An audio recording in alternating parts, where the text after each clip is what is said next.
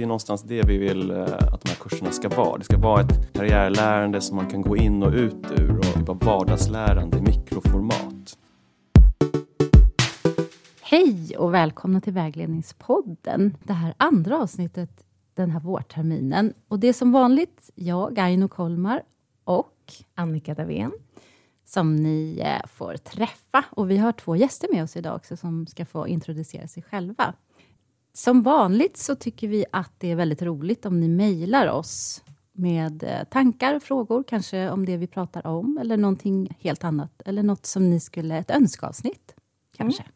Temat för idag är karriärresor, så ni får också jättegärna skriva egna reflektioner kring era karriärresor och tankar som ni har för framtiden.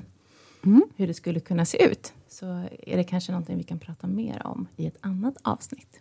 Ja, och nu kanske det är dags att släppa in Elin Fellers och Jonas Medin som vi har med oss från Karriärinstitutet. Ska vi börja med dig, Elin? Vem är du? Ja, vem är jag?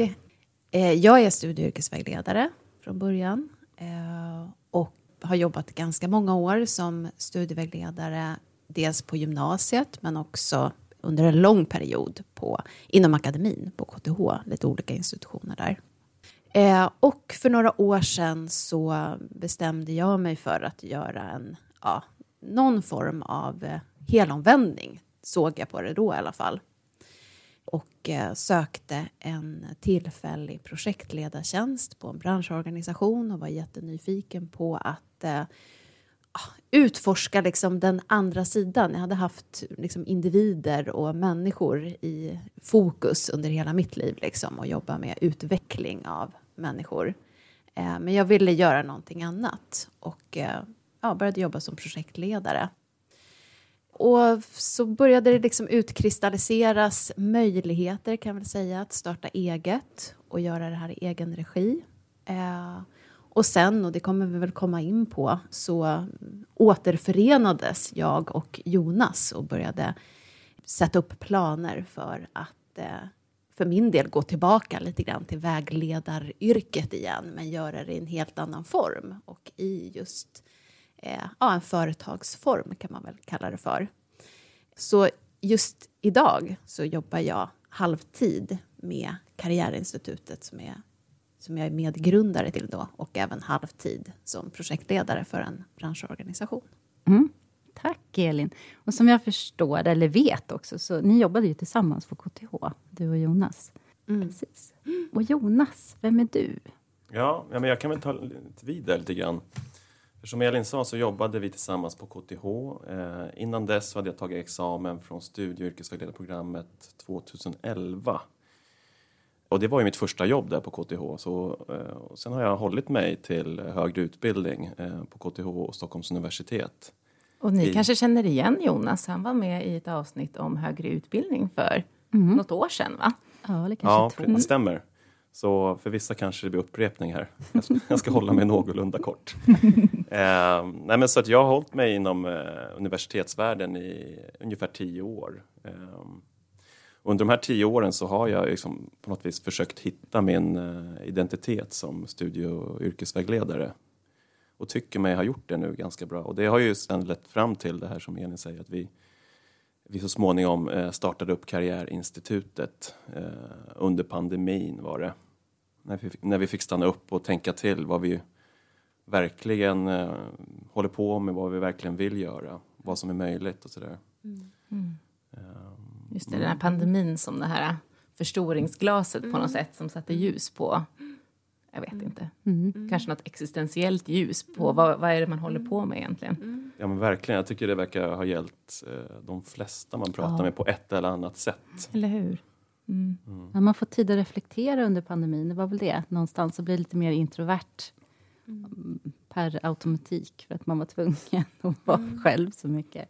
Ja, och det, det, och det är det jag är väldigt tacksam över, att det, liksom, man fick möjligheten att, att ställa de frågorna till sig själv. För jag kan ju känna att jag eh, på sätt och vis hade, inte kört fast, men, eh, men ändå rört mig i samma fotspår under längre tid. Så den förändringen eh, kändes bra för min del. Och vad gör du idag, Jonas? Nej, men idag så eh, jobbar jag heltid med Karriärinstitutet som det är just nu. Men eh, ja, vi är ju i en uppstartfas och eh, ja, det, det, kommer inte vara möjligt att göra det hela tiden. Så att eh, vi ser vad som är möjligt och ja. Mm. Så vad är Karriärinstitutet? Mm. Alltså Karriärinstitutet är ju vårt aktiebolag som vi startade förra året och där vi utvecklar e-kurser i karriärkompetens, kallar vi det för, kort och gott. Vi vill erbjuda ett karriärstöd till flera, ett karriärstöd till alla. Vi vill liksom möjliggöra för människor att kunna jobba med sitt egna karriärlärande, sin egna karriärutveckling egentligen oberoende av var man är någonstans, vem man är, eh, när det passar att ta in det här. Så själva konceptet är en slags kortare kurser där vi varvar miniföreläsningar kan man säga som är tänkta att både informera och inspirera och visa på lite nya infallsvinklar. Och så kan man då som användare gå in och jobba i olika övningar där man kan liksom djupdyka i det temat som föreläsningen tagit upp. Så det är liksom kortare miniföreläsningar som ska då i slutändan bidra till en ökad val och karriärkompetens. Ja, men precis, jag ska bara hoppa in där för att det är ju någon typ av karriärlärande vi pratar om. Och det är lätt att glömma det, men vi är ju faktiskt utbildade pedagoger. Mm.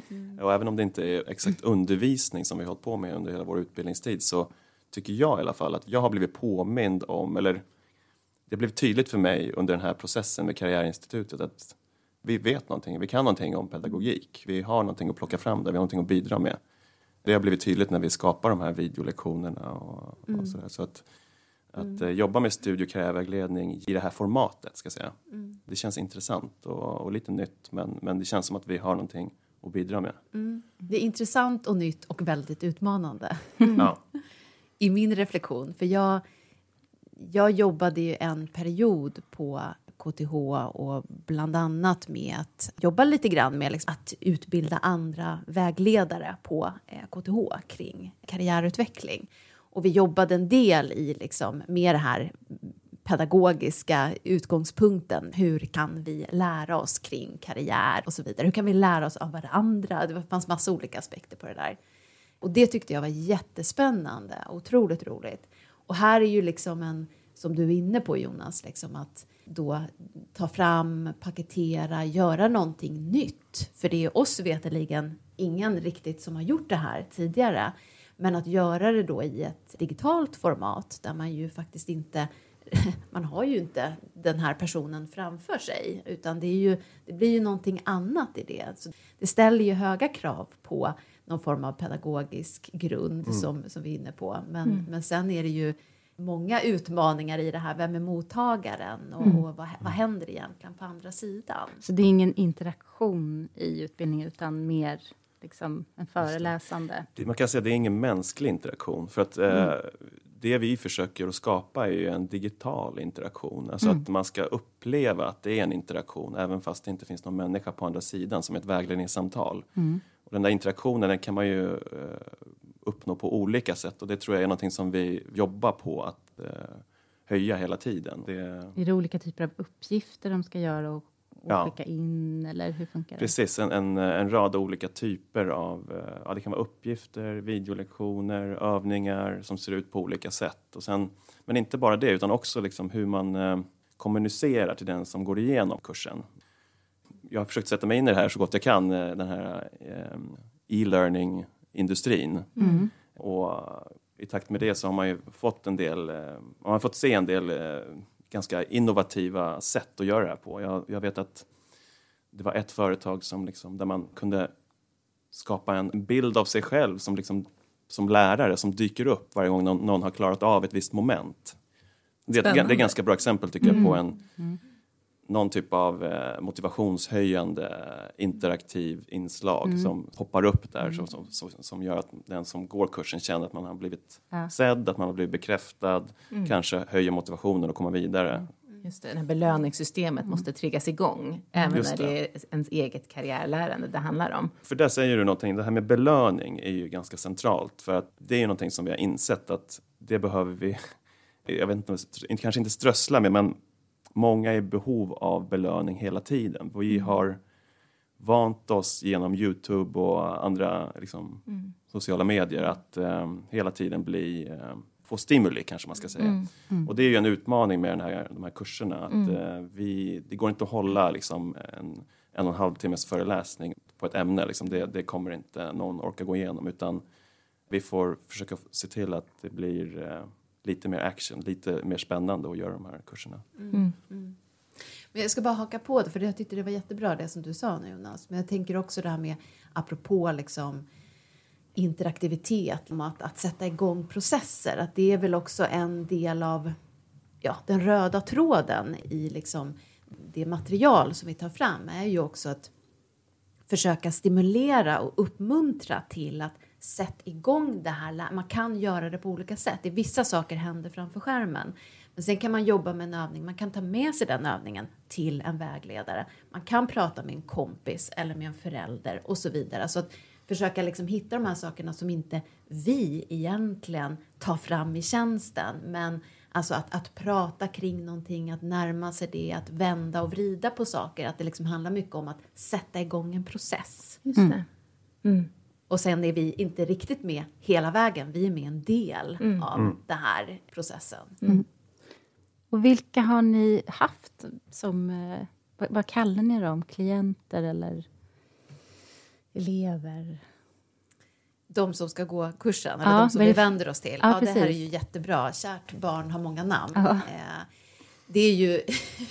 Jonas skrattar här och med all rätt, för det här är ju liksom en, en ständig punkt. Alltså, vi är ju inne i en fas nu där vi har egentligen vi har tagit fram en kurs som är så gott som klar. Den är liksom ute nu och testas i olika verksamheter. Och då blir det ju per automatik lite olika personer som testar det här. Det kan ju vara gymnasieelever, det kan vara komvuxelever, folkhögskoleelever, det är också studenter på redan befintliga utbildningar som testar det här. Eh, så att det liksom gemensamma namnet blir ju någon slags användare, Ja, de som det. går in och använder kursen. Eh, och sen då i, i det projekt som vi håller på liksom och testkör nu kan man väl säga, där kommer ju även vägledarna in som en, en viktig funktion för de blir ju en slags mellanhand och just delar ut den här kursen till då sina respektive studenter eller elever eller besökare eller vad, vem det nu är man träffar. Så ni utbildar vägledare. Var det inte Uppsala universitet ni hade jobbat med en del, om jag minns rätt? Vi jobbade med dem eh, under förra året. Men jag skulle inte säga egentligen att vi utbildar dem så Nej. mycket. Utan som kurserna ser ut nu så är de liksom tänkta att stå på egna ben. Ja. Så man kan själv gå in och jobba i det här som då den vägledningssökande så att säga kan själv jobba med det. Däremot så ser ju vi att vägledarna har ju en jätteviktig roll i det här och, och det som kanske också har liksom blivit tydligare och tydligare allt eftersom vi har tagit fram innehållet är ju att vägledarna kan ju jobba med det här materialet i sin egna vägledning eller för den del undervisning beroende på lite grann var man befinner sig. Så man kan plocka ut delar av materialet, man kan använda det i sina samtal. Så att de kan ju också vara en slags användare för att göra det ännu mer liksom, rörigt. Ja, precis. Vi ser ju lite att det här beror på vem det är som ska göra kursen och hur eh, självgående den personen är. För att kursen i sig är ju självinstruerande och den står på egna ben som Elin sa. Eh, men lite beroende på vad man kan tänka sig att den här individen klarar av och, och sådär så, så kan det vara en god idé liksom, att komplettera med ett vägledningssamtal. Vi ser att de här kurserna jackar väldigt fint in i vägledningssamtalet inför ett vägledningssamtal. Titta på eh, anteckningar under ett vägledningssamtal men också skicka med efter ett vägledningssamtal. Så att det, det blir liksom lite som en vägledarens eh, superkraft eh, förhoppningsvis. Just det, för det tänkte jag på när ni pratade där i början. Att det låter som att idén någonstans är att, att den här processen av att leda en karriärutveckling, men man tar bort samtalet och att användaren då bara interagerar med den här kursen utan samtalet och ändå blir det en vägledningsprocess. Och då skulle man ju kunna se det som en motsättning till vägledning. Men det ni säger istället är ju att det är ett komplement till vägledningen för att kunna, ja, att de gifter sig med varandra på något sätt. Alltså det är jättebra att du kommer in på det. Ja. det, här är ju liksom, det här har vi rört oss fram och tillbaka. Och jag skulle verkligen inte säga att det liksom tar bort samtalet på något sätt. Vi tror verkligen att det är en, en jätte, jätteviktig sak att, att värna om och att ha kvar. Det som däremot, alltså det kan vara ganska bra då att egentligen backa till så här, varför gör vi det här från första början? För att någonstans så kommer ju mycket av det här innehållet kommer ju från våra egna erfarenheter som vägledare där man många gånger har upplevt att det är väldigt mycket som ska hända under det här inom citationstecken, jag är klamrar i luften, samtalet som har ganska kort tid på sig. Och det är liksom någon form av mirakel som ska ske där och då, ofta i det fysiska rummet. Eh, och jag tror att både jag och Jonas har liksom upplevelsen av det här att det är svårt att räcka till. Det är svårt att eh, liksom få den här personen som man har framför sig att ha förberett sig eller komma rakt in i liksom, det är det här det ska handla om och eh, följa upp och så vidare och så vidare. Så att en av anledningarna till att ha börjat med det här skulle jag säga är liksom en, en egen önskan av att ta fram material, ta fram fler metoder som kan vara till hjälp genom att just den här personen som vill ha vägledning själv kan förbereda vissa saker. Och det tar tid, tyvärr, för alla inblandade. För ingen vill som regel lägga massa tid på det här, framförallt kanske inte unga vuxna. Men någonstans att så ett frö, att sätta igång tankar, att börja leta upp information, att börja reflektera. Kan man få människor att göra det här, i alla fall lite grann på egen hand, så kan vi ju se, och det såg vi bland annat med Uppsala universitet som du nämnde som vi jobbade med, går det snabbare, det går djupare, det går fortare. Det, liksom, det händer mer under de här fantastiska 55 minuterna eller vad det nu är man har tillsammans. Och det hjälper också till med en struktur. För det är ju någonting som jag vet att många vägledare saknar. Alltså att man, som du säger, ofta är det begränsat med tid för samtal. Det kan vara en utmaning, men också att liksom, man, man har inte alltid en, en struktur att förhålla sig till. Klart att vi har vår samtalsmetodik, det är en typ av struktur.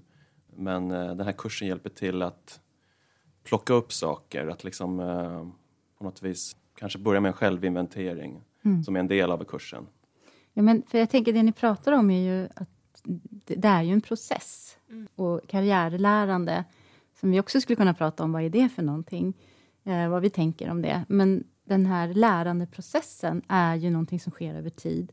Och det låter lite grann som att ni liksom bäddar för det här. Eller om man tänker sig en åker, att man liksom plöjer åkern som är kanske ganska hård. Då, för att sen kunna i vägledningssamtalet, vägledaren ta vid eh, tillsammans med eleven eller så, så frön till liksom lärande. Det var ju en väldigt fin metafor. Vi brukar prata om att vi förlänger och fördjupar vägledningsprocessen.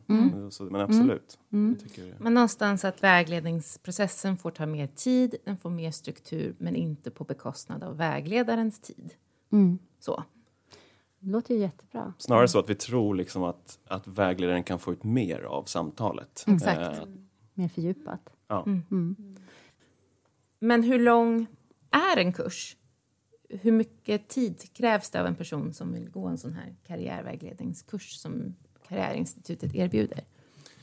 Ja, det går nästan inte att svara på den frågan för att det är så otroligt individuellt eh, och flexibelt. För det är, ju- det är någonstans det vi vill eh, att de här kurserna ska vara. Det ska vara ett karriärlärande som man kan gå in och ut ur och, och som en typ av vardagslärande i mikroformat. Eh, men så som kurserna ser ut så är de indelade i olika moduler. Och de här modulerna kan man hoppa in i, man kan välja tre av totalt, kanske en kurs innehåller tio stycken. Man kan välja att man går in i just tre stycken för att man tycker att de är mer passande för det man behöver just nu. Det kanske är vägledaren som också uppmanar till att jobba med just de modulerna. Och inom ramen för varje modul så har vi de här videolektionerna, övningarna och quizen på ett särskilt tema. Det kan vara inventera sin kompetens, bygga sitt professionella nätverk eller någonting annat. Och man kan lägga till där, när vi, nu håller vi på att testkör då den här första kursen. Och i det så finns det möjlighet då att som användare också utvärdera Och då kan vi väl se att hittills av de utvärderingar som vi får in så ser vi att de flesta har ju, för vi har frågat just hur mycket tid lägger du på kursen? Och de allra flesta har väl uppgett att de ligger någonstans runt en timme, en till tre timmar. Mm. Eh, och där, det finns mycket som man kan liksom analysera i det här, hur man ser användning och så. Men en gissning där som vi har är att många tittar liksom på lektionerna och sen så vid något annat tillfälle så går man in och jobbar med kanske en övning eller flera övningar. Och då blir det ju det som du är inne på, att man ska kunna gå in och ut lite grann ur mm. det. Och, och, det är ju det ideala, mm. apropå process, mm. tänker jag i alla fall. Att man liksom ska kunna komma tillbaka till det här senare, när just den frågan är viktig för mig kanske. Just det, just det för det är lätt att miss, man kan ju misstolka det här som att det är en kurs som på um, universitetsnivå eller gymnasienivå, men det är inte det vi pratar om i det här sammanhanget. Det här är någonting som man ska kunna göra vid sidan av mm. eh, sina heltidsstudier, eh, när man har lite tid över, typ. Mm. Du får inga poäng. Du får bara en liten glad gubbe som kommer upp och dansar ja. och säger Exakt. bra jobbat. Ja. Jag såg för mig en sån här GIF, som någon, någon, ah. en lärare som står och dansar med en sån här, vad heter det, någon konfetti eller något. Klarat ja, någonting. ja, vi skämtar ju om det här och vi har inga diplom än så länge, men, mm. men på ett sätt så skulle man kunna tänka sig att det finns ett värde i att mm. eh, kunna visa upp. Man har till eh, godo mm. Gjort sig karriärlärande och karriärkompetens. För det är mm. någonting som jag tänker att många arbetsgivare skulle verkligen vilja ha. Alltså en person som eh, känner till sina styrkor. Alltså mm. det, är ju, det är ju verkligen värdefullt. Mm. Det känns som att det är en, en, om vi ska göra en liten framtidsspaning så är det ju verkligen något som en förmåga som jag tror verkligen kommer premieras i framtiden. Mm. Um, att kunna veta vem man är och vad man kan bidra med i en verksamhet. På något sätt servera sig själv på ett silverfat. För kom ihåg att vi brukade prata om ingenjörerna. De här mm. på Svinx som jag jobbade med, Svenska för ingenjörer. Just det. Mm. Och det tänker jag är en stor vad ska man säga, beståndsdel i samtalet. Den här bekräftelsen eller det här erkännandet man då får av en annan människa. Och att då översätta det till ett digitalt sammanhang mm. är inte helt lätt, men går också. Jag tror att det är samma signaler som går i hjärnan oavsett om det är en person eller en dansande gubbe i konfetti som mm. säger att du är bra. kan man väl hoppas i alla fall. Men jag är så nyfiken på det här med karriärlärande. Vad, vad är det för någonting? Vad, tänk, vad tänker ni? Oh, det är ju väldigt stort. Mm. Eh, och vi har ju pratat också om det här, bara man delar upp det ordet liksom, i två. Vad är karriär? Vad är lärande? Och begreppet karriär eh, kan ju väcka alla möjliga olika associationer hos många. Så det är inte helt enkelt. Eh, men den liksom lite enklare definitionen som väl vi använder oss av det handlar ju om att dels att karriär definierar vi som alltså under, en, under en hel livstid och att alla eh, har och gör sin karriär. Men att liksom få in ett lärande i det här, då handlar det ju, tycker jag, mycket om det som vi har varit inne på. Att liksom kunna se de här olika skedena som händer i livet. Alltså man ställs inför någon typ av övergångar hela tiden som kan vara mer eller mindre frivilliga, önskvärda, icke önskvärda och se att i de här situationerna så förutsätts vi kunna liksom fatta beslut, kunna veta vad vi vill, kunna göra någonting aktivt. Och det som man ofta då möter, i alla fall som vägledare, är ju att här uppstår ju ganska många känslor och tankar som inte alltid är så lätta. Det är ofta ganska svårt. Och har man där jobbat med ett slags lärande om sig själv, vem är jag i de här olika situationerna? Hur förbereder jag mig? Hur hanterar jag saker och ting som händer? Om jag har liksom processat det och, och tränat mig själv i de här situationerna så kan jag lättare hantera dem mm. eh, och se kanske att jag lär allt mm. eftersom under tiden och så vidare. Så att, att liksom jobba med ett karriärlärande skulle jag säga är på något sätt att liksom försöka eh, stimulera, utrusta, förbereda individen att hantera de här karriärövergångarna som, mm. som uppstår under livets gång. Mm. Jag tänker att det också kan handla om den här synen på vad en karriär är. För jag tänker... Jag faller också tillbaka i det att en karriär är en, liksom, en uppåtgående trend. Det är, det är en tävling eller det är ett lopp och så ska jag komma i mål i pensionen mm. och för varje jobb ska jag ha en bättre lön och en bättre status och liksom så. Och att kanske komma bort från det tänket, att det snarare är just den här resan Mm. som man rör sig igenom och tar lärdomar från olika ställen och vad behöver jag nu i mitt skede i mitt liv, i min resa, snarare än att det är att alltid levla upp. En form av dataspel, liksom, att livet är faktiskt på riktigt och i olika perioder i våra liv Kanske har man barn hemma, då kanske man inte satsar lika mycket på karriären. Det betyder inte att det är dåligt, att det går sämre i din karriär. Det är bara en annan prioritet, en annan stig. Så. Jag tänker också på avsnittet som jag hade med Christer. Då pratar vi ju ganska mycket om det här också. Att det inte är någon motorväg, en karriär. Eller ett, att det är ett lärande som behöver liksom gå snarare i skogen, hit och dit. Och, och att det är så. Eh, Ja, men, men det verkar vara svårt att liksom förmedla den bilden för att Ja. det, det, det sitter rätt hårt det här med trappstegen eller den linjära karriären eller vad vi nu pratar om.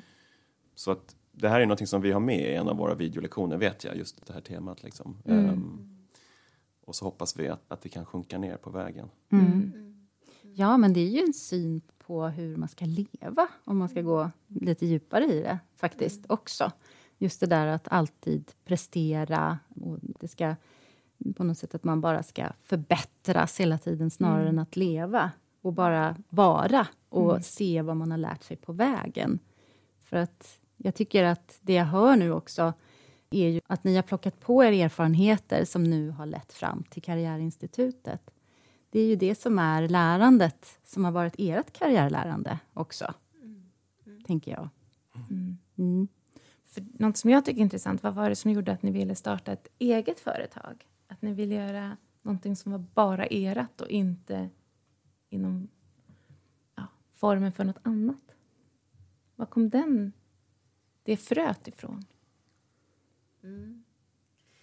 Ja, jag kan ju, om jag talar för mig själv där, men jag har väl alltid liksom drivits av någon form av så utveckling. Alltså det, jag tycker det är spännande att göra saker där det inte riktigt finns en färdig mall eller form.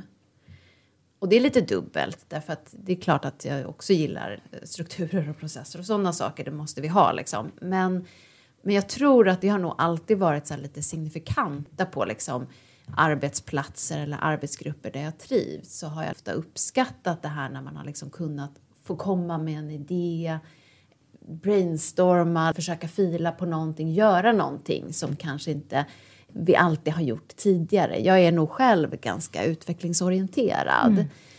Och då är det ju väldigt tacksamt om man har en fantastisk chef som eh, uppmuntrar det. Eh, man har inte alltid möjlighet att ha det. Och, och jag tänker att det ligger liksom inte jättelångt ifrån då att själv gå mot det här mer sitt eget självledarskap och liksom uppmuntra och försöka främja så att man själv kan få jobba med den utvecklingen. Och då ser jag i alla fall på det som att få göra någonting, att få driva någonting, sätta upp sina egna mål eh, och själv få utforma den här verksamheten är ju helt fantastiskt. Sen kan det bli ensamt. Och då är det ju otroligt att ha en fantastisk kollega som man kan ändå få den här stimulansen och bolla och få växa. Jag menar, någonstans handlar det ju om att vilja växa, tänker jag är en, en av mina drivkrafter. Mm. Men Jag håller helt med. Jag är också relativt utvecklingsorienterad. Men jag tror kanske inte att jag hade gjort det här på egen hand som du är inne på. Jag, jag, eh, det är en otrolig styrka att ha en kollega att göra det med.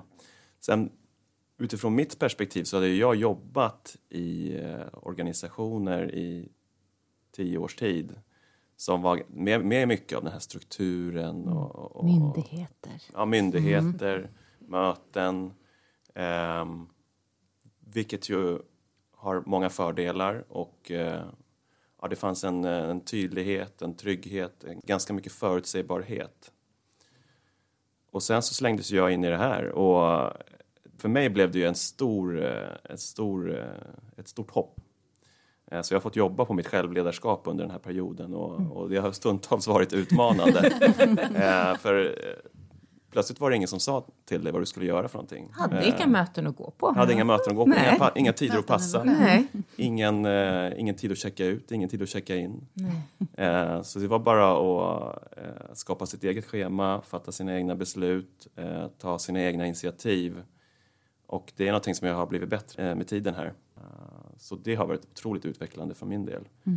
Men också eh, stundtals påfrestande, för det är det är en utmanande situation. Jag, jag känner liksom att ibland, alltså min, min kollega, det är världens bästa kollega, men ibland kan jag känna att det hade varit fantastiskt att ha en till, eller kanske till och med två. Då får man känna mig otillräcklig.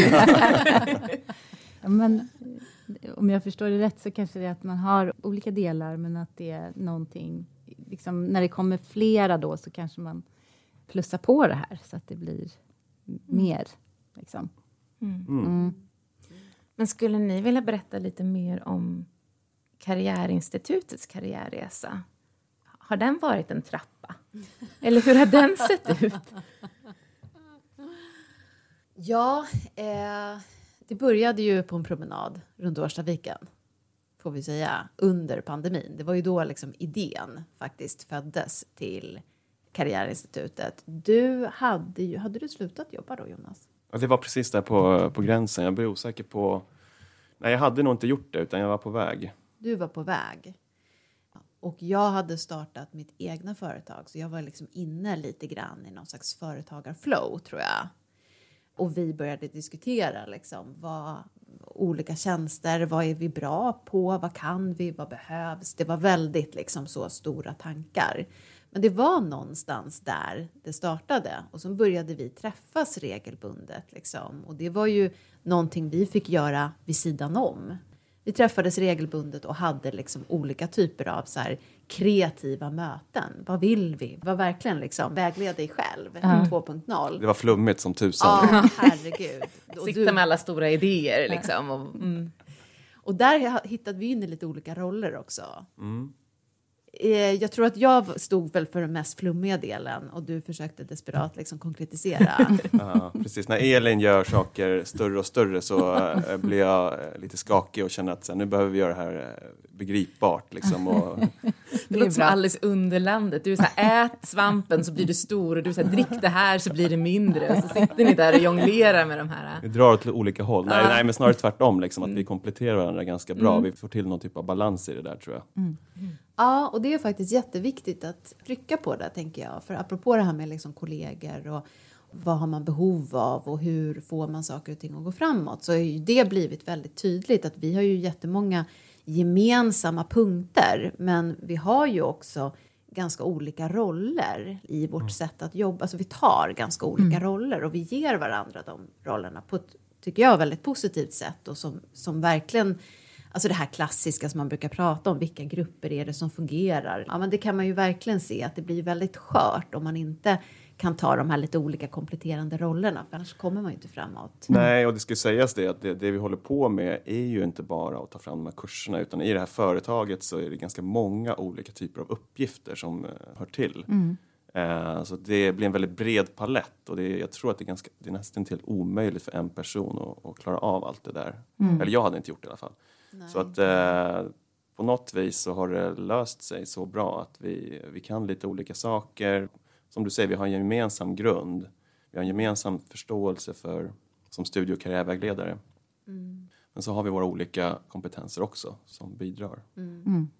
Men det som hände där liksom inledningsvis, apropå de här kreativa mötena, det var ju att vi hade ju miljontals idéer kring vad som behövdes. Behoven var ju liksom... De finns. de var ju outtömliga. Ja. Ja, men apropå resor, liksom, det har ju varit en resa att försöka liksom, tratta ner det till att ja, men, vad behövs och vad kan vi? Vad vill vi? Vad är vi bra på? Eh, Liksom, vad vet vi kan landa rätt hos olika typer av målgrupper? Vilka är målgrupperna? Alltså, det finns jättemånga frågor som man behöver ställa sig. Och vi har ju haft alla möjliga idéer liksom, kring vad Karriärinstitutet skulle kunna erbjuda. Och det är väl egentligen liksom först ja, men, i fjol när vi liksom bestämde oss för att också starta upp företaget formellt som vi liksom verkligen landade i det här ja, men, kurskonceptet eller vad man ska kalla det för. Liksom.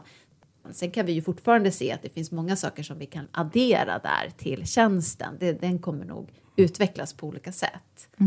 Ja, och de här frågorna eh, som du ställde där. Vad är vi bra på? Vad är det som behövs? Alltså det är fr- frågor som vi fortfarande ställer oss hela tiden.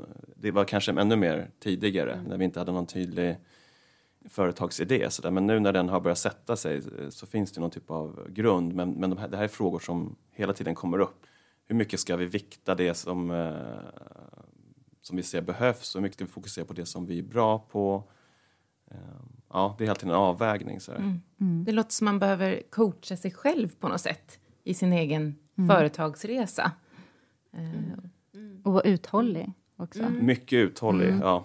Och, och på något vis eh, ha en förståelse för att det kommer gå upp och ner. Vissa dagar så känns det som att eh, det, här, det här kan bli svårt. Andra dagar så känns det som att vi kommer ta över världen. så det, det är liksom en emotionell berg och dalbana. Eh, och jag tror det är bra att man, man känner till det redan på förhand att det, det kommer finnas eh, bra dagar och dåliga dagar för då, Ja. då, då blir det lättare att hantera det. Precis. Men det är också det jag hör är att ni beskriver en stor frihet också. Att det är det som har lockat er väldigt mycket i det här entreprenöriella. Att man startar eget. Det, det, det tror jag många kan relatera till. Just då. Få frihet, skapa det man själv vill. Mm, ja, men det, det är verkligen, Verkligen. den stora... Ja. Det får man säga ändå, att det är den stora Det är, jättestor, ja, och det är en jättestor liksom, drivkraft att få ha det att jobba mot liksom, och själv få liksom, vara med och utforma det som man gör. Ja, det skapandet. Det är liksom otroligt Ja. kreativt. Alltså, det är en härlig, eh, en härlig och utvecklande känsla som man har möjlighet att, att vara, vara med i. Och det är ju också fantastiskt roligt att i det här fallet så om man just tänker på de här eh, sitta runt köksbordet och liksom komma med idéer till att det sen faktiskt finns något konkret fantastiskt material att liksom klicka sig in i och se hur det där växer fram. Det är som att föda barn. Ja. ja. Ja, något lilla sätt, baby det här alltså? Ja, Ja. ja. det är jätteroligt. Men om vi har till exempel några studenter eller lyssnare som är lite nyfikna på att göra den här frihetsresan, att starta eget. Har ni några bra tips till dem? Ja, eh, vart börjar man? Ja, men jag fastnar lite grann på det här som, som du sa också Jonas. Alltså, alla är väl olika, men jag, jag tror verkligen att man har behov av andra. Men det är svårt att göra någonting helt själv. Sen kanske man fortfarande utför ett arbete själv, men att det kan låta lite klyschigt, men alltså den här vikten av nätverk, vikten av att ha människor runt omkring som man kan både ta hjälp av, fråga om, alltså bolla idéer. Vi har ju aldrig blivit så... Alltså de, den största hjälpen vi har fått det har ju varit när vi har liksom tvingats att vi ska presentera oss för någon annan. Vi ska hitta någon pitch eller vi ska liksom försöka ta kontakt med folk.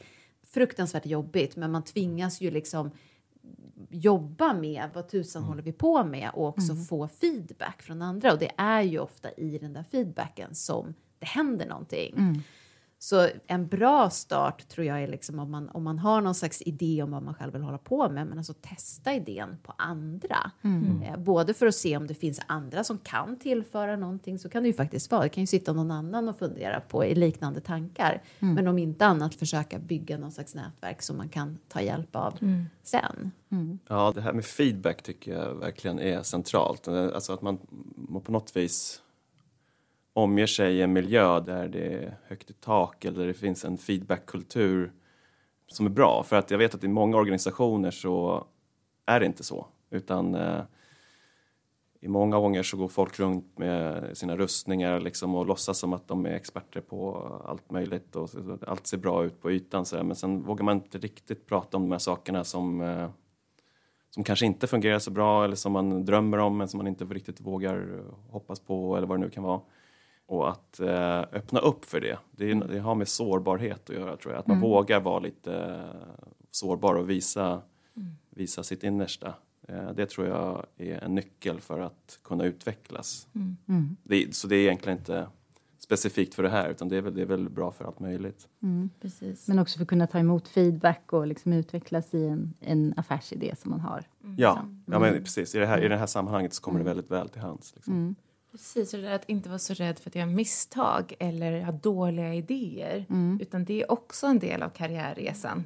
Det ska gå Mm. ganska dåligt i perioder, för det är det som gör att det blir bra sen. Mm. Vi har haft många dåliga idéer. Ja, Jag försökte inte döma varandra för det. Det är bra. men man behöver nog det för att komma fram till de här riktigt Ja. bra. Och sen finns det väl ganska mycket sådär konkret praktisk hjälp hur man startar eget med Skatteverket och vad heter den där sidan? Verksamt.se. Verksamt. Det finns otro... ja, men Jag tänkte faktiskt att du skulle säga det, för det finns ju väldigt mycket hjälp att få. Alltså, Vi lever ju faktiskt i en samhälle och en tid där det, liksom, det finns mycket uppmuntran och det finns mycket kostnadsfri professionell rådgivning och alla möjliga checklister och, som är bra. Det är liksom Ja. tydligt och bra förklarat. Mm. Eh, så att, att kika på verksamt.se till exempel är jättebra, både för inspiration men också praktisk hjälp. Det ekonomiskt stöd man kan få, alltså typ starta eget-bidrag, finns sånt fortfarande? Absolut, jag, jag har det just nu. Faktiskt. Jättebra. Eh, och det finns olika typer av bidrag eh, och pengar som man kan söka om. Just det. Via Arbetsförmedlingen. Då. Arbetsförmedlingen, Almi, Almi. Eh, lite olika sådär. Vi har ju varit inne lite grann och kollat, det, kanske man möjligtvis ska lägga till då, för det finns ju mycket så här pengar man kan söka. Ja, liksom. fonder också. Pedagogisk Ja, utveckling och sånt där kanske. Och vi har inte riktigt liksom det, för det, det som man ska vara medveten om där är att det tar ju väldigt mycket tid. Eh, och ska man få den typen av pengar, vi är absolut inte några experter på det, men det kräver ju ganska mycket liksom, i, i ansökan och det ska redovisas och man ska uppfylla ganska många olika kriterier. Eh, så det kan ju lite grann bero på vad det är för någonting man ska göra också. Vissa saker är ju kanske mer tacksamma för att det ligger i tiden, det är lite enklare att få pengar. Så det är ju värt att undersöka, Ja. men, men det är ju inte så där glasklart att det bara rasar in pengar. Det, det är inte glasklart och, och, och det är ytterligare en sån här avvägning som man eh, behöver göra som företagare tror jag. Vad gör man med sin tid hela tiden? Ja, just det. Eh, är, är det värt att lägga en vecka på den här eh, eh, att ansöka om pengar för det här? Mm.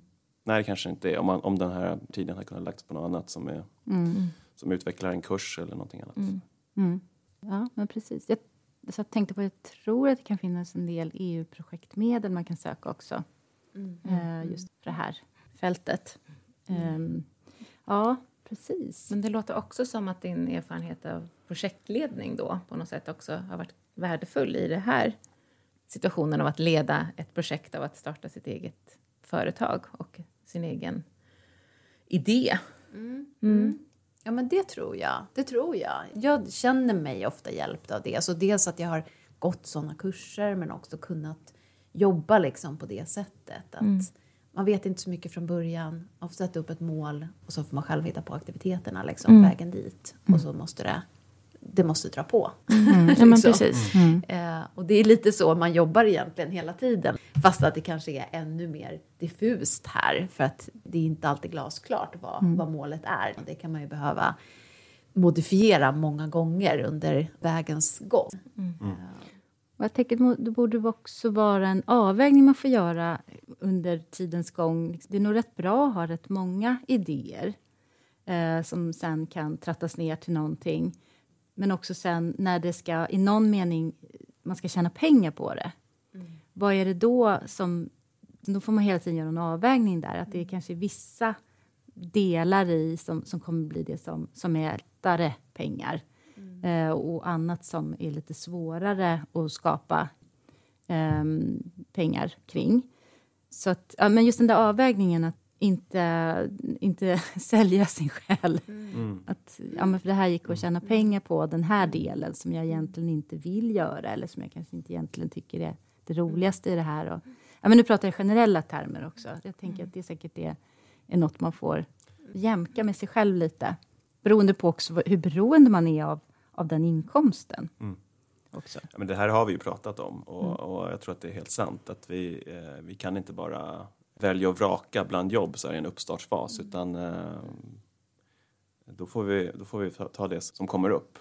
Och sen kanske med tiden att man kan vara lite mer selektiv och, och liksom på något vis eh, Mm. Och alltså, där får man ju också på något sätt ändå, tänker jag, lite så här krasst konstatera att liksom, vägledning, skol och utbildningsbransch, alltså det är ju inte de allra mest lukrativa Nej. områdena vi pratar om här. Och det spelar ju också roll liksom, mm. i att eh, vi tar fram en tjänst som vi tycker är fantastisk och där vi får väldigt mycket fin respons. Alltså det som vi har gjort hittills har ju varit, vi blivit väldigt, väldigt uppskattade för det. Mm. Men sen kommer det ju, ligger det ju alltid an på, men vem betalar för det här? Mm.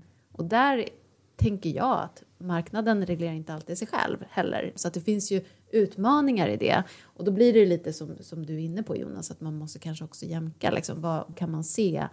Var hittar man den här där de här vägarna fortfarande korsas, att man står för någonting, att man vill det här, att man mm. tror att det här är bra, men det måste också någon måste ju betala i slutändan. Ja. Liksom. Någonstans måste man få finansiering och då måste man också anpassa vissa saker. Mm.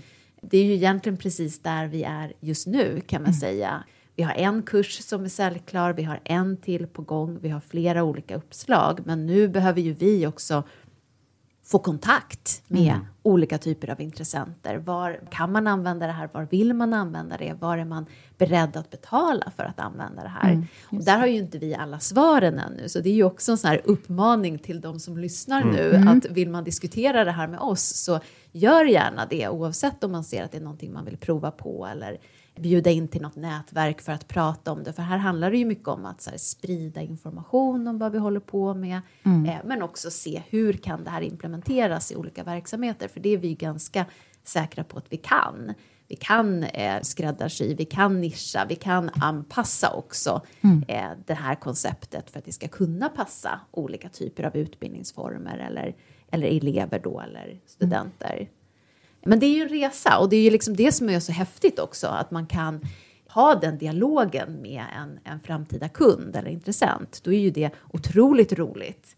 För vi kan ju sitta på vår kammare och komma på en massa saker, men sen måste du ju liksom jacka in i någon verksamhet mm. och, och, bli på riktigt också. Mm. Och den dialogen vill vi gärna ha.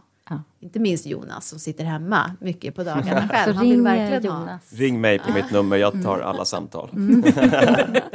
Men vi kan göra så att vi lägger er webb eller liksom kontakt under det här programmet. För ja, det är väl jättebra. För det är ju verkligen, det har blivit tydligt under den här uh, resan att vi kan inte sitta och göra saker på vår kammare utifrån vårt eget huvud. Det kommer inte bli bra, utan vi måste hela tiden vara inlyssnande och ta i beaktande vad är det som efterfrågas. Och det, mm. det kan ju vara helt olika saker beroende på om det är en gymnasieskola man riktar sig till, ett universitet, eh, en viss typ av student och sådär. Så att det är så många olika perspektiv som man måste ta hänsyn till när man, när man tar fram de här kurserna. Mm. Och det, så därför är vi jättepositiva till att folk hör av sig och tar, tar kontakt med oss för, för, för sådana diskussioner. Mm. Mm. Kul. Ja, men då får vi hoppas att Gör det nu, ni som lyssnar. Jag tror också verkligen på den här idén. Behovet är skriande efter den här typen av karriärvetande om sig själv kanske eventuellt i slutändan. Men tack hörni, jag tror vi stannar där. Tack så tack. jättemycket för att du